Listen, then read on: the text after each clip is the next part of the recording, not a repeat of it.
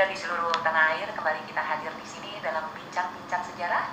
Narasumber kita kali ini ada Sistanike. Apa kabar Sistanike? Baik ya? Baik, Alhamdulillah. Dan juga seperti biasa, Bro Hasanuddin, apa kabar? Baik juga. Alhamdulillah. Alhamdulillah. Oke, saya juga baik ya. Gak ada yang nanya, ah, saya juga.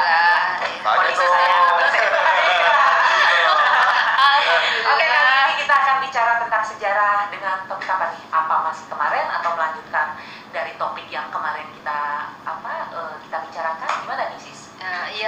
melanjutkan aja ya si Lucy dari yang kemarin sudah kita bahas.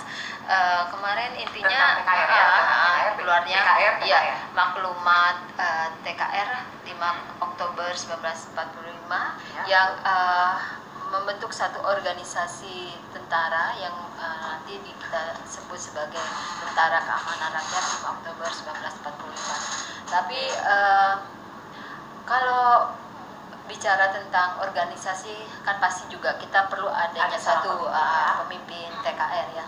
Nah makanya setelah itu uh, pada proses selanjutnya kita akan uh, berusaha ya pemerintah berusaha untuk membentuk uh, satu keorganisasian yang uh, cukup uh, bisa dibilang cukup lengkap dengan Iya. ada pemimpin di dalamnya. Ketika itu memang uh, sudah di sudah direncanakan ada uh, yang berhubungan Calon-calonnya dengan ya, yang, calon-calonnya. yang berhubungan dengan uh, ketentaraan ini yaitu satu uh, Kementerian Keamanan Rakyat yang waktu itu sudah dipilih uh, namanya Bapak Muhammad Sulyo Adikusumo, ha, Sulyo Adikusumo. dia ditunjuk sebagai Menteri Keamanan Rakyat ad interim, ya, ad interim. Kemudian juga Supriyadi sebagai pemimpin TKR dan kemudian uh, Mayor Urip Sumoharjo sebagai uh, waktu itu diangkat sebagai Kepala Staf Umum dengan pangkat Letnan Jenderal. Letnan Jenderal. Iya. Letnan Jenderal. Nah, Pak Urip sendiri ini kemudian diangkat sebagai Jadi kepala sebentar staf. saya jelaskan Iya. untuk eh, pemimpinnya jadi ada tiga ya Iya. untuk masing-masing divisi itu ya. Betul. Uh, bukan masing-masing divisi Bukan. Eh, Belum- dalam belum bentuk masuk. struktur organisasi, Organisasi. tentara yang akan dibentuk itu Betul. dibentuk pucuk pimpinan namanya waktu itu masih pucuk pimpinan tertinggi TKR Betul ya. ya. Yang di sini yang paling berperan adalah Uri Sumoharjo Iya, sebagai kepala staf. Betul. Inilah yang dia mengarsiteki Ah, ya organisasi TKR ini. TKR.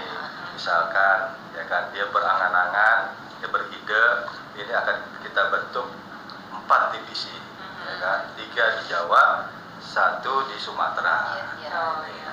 Ya, tapi dalam perkembangannya nanti rupanya ini banyak, banyak ya, yang pemuda yang pemuda yang secara ingin sukarela bergabung, bergabung. gabung, ya, dan sehingga pada akhirnya baru. ini ada kurang lebih ada 16 Iya. ya. Oh, ada 16 16 divisi ya. divisi 10 di Jawa ya, kemudian 6 Enam, enam. ya di Sumatera, Ada 6 di Sumatera. Tentunya lagi-lagi ini kan tadi dikatakan bahwa kita sudah terbentuk, sudah ada pemimpin ya, pemimpin TKR pada saat itu Hmm, ya. Su, Ya, si bernama Supriyadi, ya. Nah, dalam perkembangannya, nah ini Perlu adanya seorang pemimpin nah, ya. pemimpin Panglima gitu Ya, ya. betul. Ya, kemudian tadi dikatakan Siapa yang memimpin organisasi tersebut? Akhirnya gitu Ah, setelah iya. melalui apa tuh? Ya. Rapat-rapat Ya. mungkin ya. Rapat ya. Ya, kemudian eh, untuk eh, diputuskan eh, Supriyadi ya sebagai pemimpin Ya. TKR, akhirnya pemerintah kemudian mengadakan eh, satu konferensi TKR ya. Nah, konferensi TKR itu dilaksanakan eh, pada bulan November, tepatnya tanggal 12 November 1945 di di Yogyakarta. Di 12 Yogyakarta.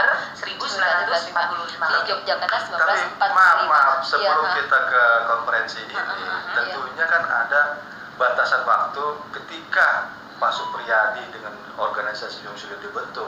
Nah, ini akan dilantik awal November ini rupanya Supriyadi tidak muncul-muncul. Oh, ke mana tuh? Nggak muncul-muncul.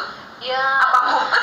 Ya, seperti Ya, ya, ya, ya, ya. seperti sis eh, Lucy ketahui ya eh, Supriyadi ini adalah tokoh tokoh peta saat itu yang eh, sebagai pemimpin dari Ya. satu pemberontakan ketika itu pemberontakan di Blitar pada tanggal 14 Februari 1945 Eh, kenapa dia memberontak ya karena eh, tekanan dari pihak Jepang Iya. eh, ya dia jiwa militansinya juga kebetulan dia juga dilatih ya ke Iya. militer pada saat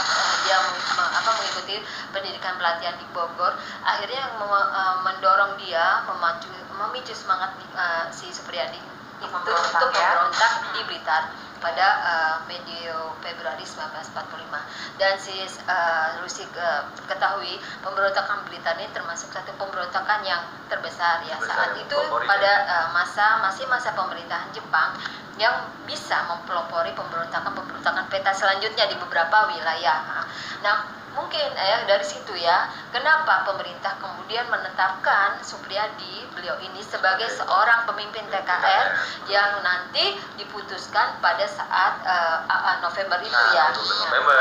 Nah, terus kemudian pada tanggal 12 November 1945 itu ternyata Supriyadi itu tidak Tidak muncul. muncul. Tidak muncul. Mm, mm, mm. Hmm, Itu ke mana? Eh, Pertanyaannya ya, ke mana? ya, pertanyaan Pak Supriyadi. sejarah yang memang harus Iya. dijawab ya. Yes, Ah, sedikit Oh, saya, iya. saya saya tambahkan bahwa uh, Supriyadi ini rupanya pemberontakan uh, kepada Jepang yang tidak berhasil dan Oh, dapat ditumpas berhasil. Dan dapat ditumpas pemberontakannya ya. Oh, sama kemu- Jepang ya? iya, Oh. kemudian kalau yang memberontak pasti ada hukumannya ya. Iya, iya. Mungkin tertangkap. Pak Supriyadinya? tertangkap. Nah, inilah yang menjadi keunikan ya, keunikan bahwa Supriyadi sampai detik ini pun tidak tahu, Tidak diketahui. bahkan makamnya pun tidak Hmm. diketahui, nah, Oh. seperti itu. Yang jelas tokoh-tokoh pemberontak peta Blitar itu memang eh, berhasil ditumpas pada eh, saat itu juga.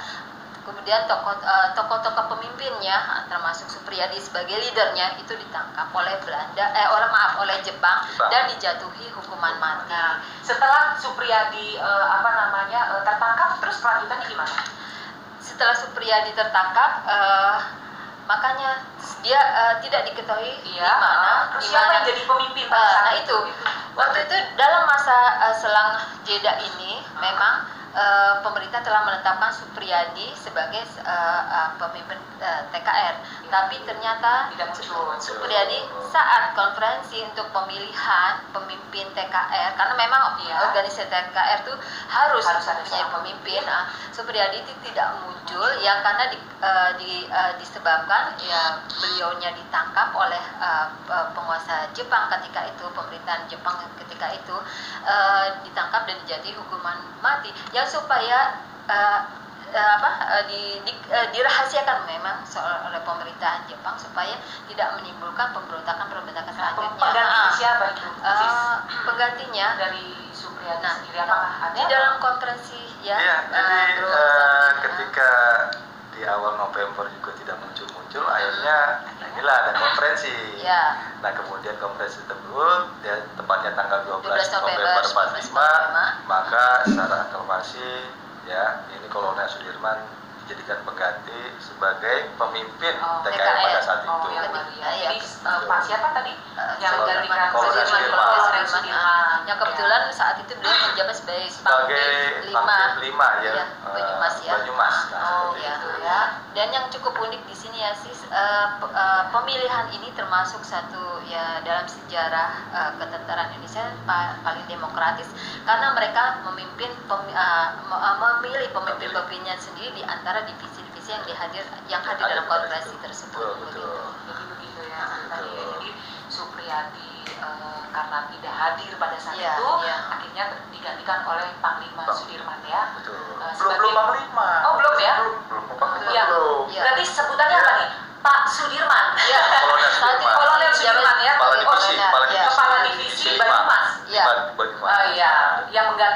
Supriyadi, Pak Sudirman lah ya.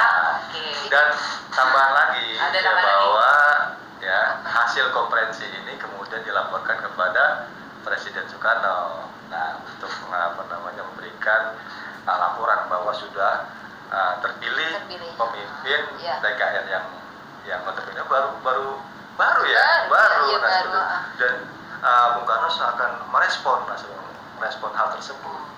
Iya. Nah, Dengan dengan Nah, akhirnya dilantik lah.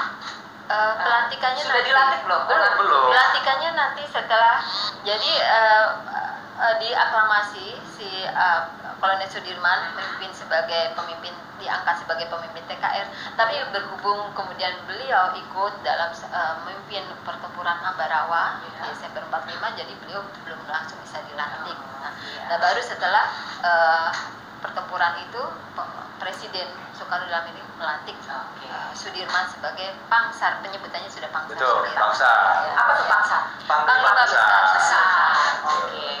Oke, terima kasih Sis eh, Nike dan Bro Hasan Fir. Terima kasih atas penjelasannya yang singkat ini. Sama-sama. Tapi mengena dan kita semua berharap dengan bincang-bincang yang singkat-singkat ini milenial muda eh, bertambah lagi satu wawasannya tentang sejarah TNI. Dan terima kasih Bro and Sis. Seperti biasa kita akhiri saja bincang-bincang ini dengan salam genta bangsa. No, history, no future.